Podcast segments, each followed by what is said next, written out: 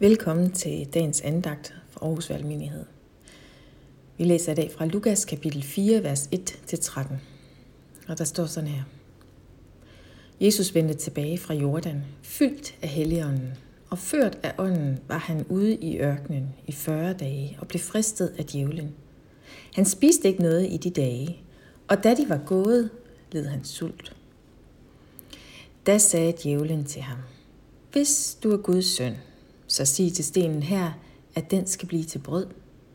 Men Jesus svarede ham, der står skrevet, mennesket skal ikke leve af brød alene. Så førte djævlen ham højt op og viste ham i et nu alle jordens riger og sagde til ham, dig vil jeg give al denne magt og herlighed, for den er overgivet til mig, og jeg giver den til hvem jeg vil. Hvis du altså tilbeder mig, så skal alt dette være dit. Men Jesus svarede ham, der står skrevet, du skal tilbe Herren din Gud og tjene ham alene. Derpå førte djævlen ham til Jerusalem, stillede ham på templets tinde og sagde til ham, Hvis du er Guds søn, så styrt dig ned herfra, for der står skrevet, han vil give sin engle befaling om at beskytte dig, og de skal bære dig på hænder, så du ikke støder din fod på nogen sten. Men Jesus svarede ham, der er sagt, du må ikke udæske Herren din Gud. Da djævlen ikke havde mere at friste med, forlod han ham for en tid. Helligånden er altså lige dalet ned over Jesus. Han er blevet døbt, og umiddelbart herefter så bliver han af Helligånden ført ud i ørkenen.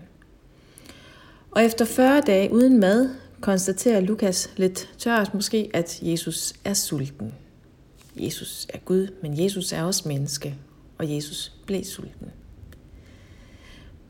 Men hvad laver han egentlig derude i ørkenen? Hvorfor gik han ikke bare i gang med at fortælle om Guds rige umiddelbart efter at være blevet døbt? Det var jo faktisk Gud selv, der førte Jesus ud i ørkenen. Derude, hvor der var fravær af mennesker, fravær af mad, fravær af selskabelighed, fravær af al bekvemmelighed. Men derude i ørkenen, der sker der en formning af Jesus. Fra hans eget indre havde han ikke en stemme fra syndefaldet, der trak i ham. Men i stedet så kom djævlen til ham direkte og konfronterede ham med de stemmer, de tankemønstre, de vildskud, vi som mennesker hele tiden må forholde os til. Jesus har virkelig prøvet at være menneske. Helt ude på den yderste kant af sin fysiske formåen.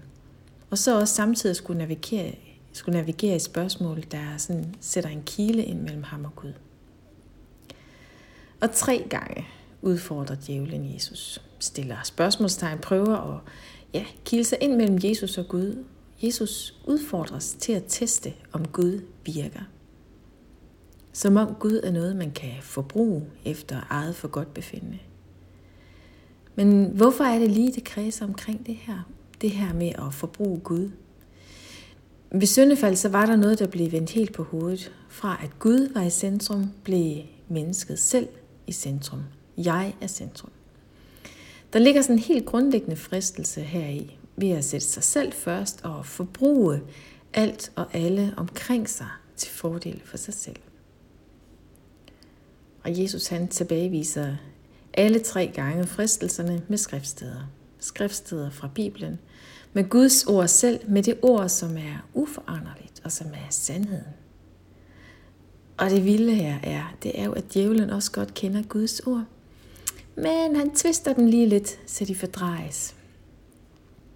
Og til sidst sætter Jesus trumf på og siger, du må ikke udæske Herren din Gud. Udæske, det er sådan lidt et gammeldags ord. Det kan betyde at udfordre eller provokere, og måske man også på lidt mere moderne dansk kan oversætte det til, at Jesus tilbageviser fristelsen med ordene om, at vi ikke behøver at teste, om Gud virker.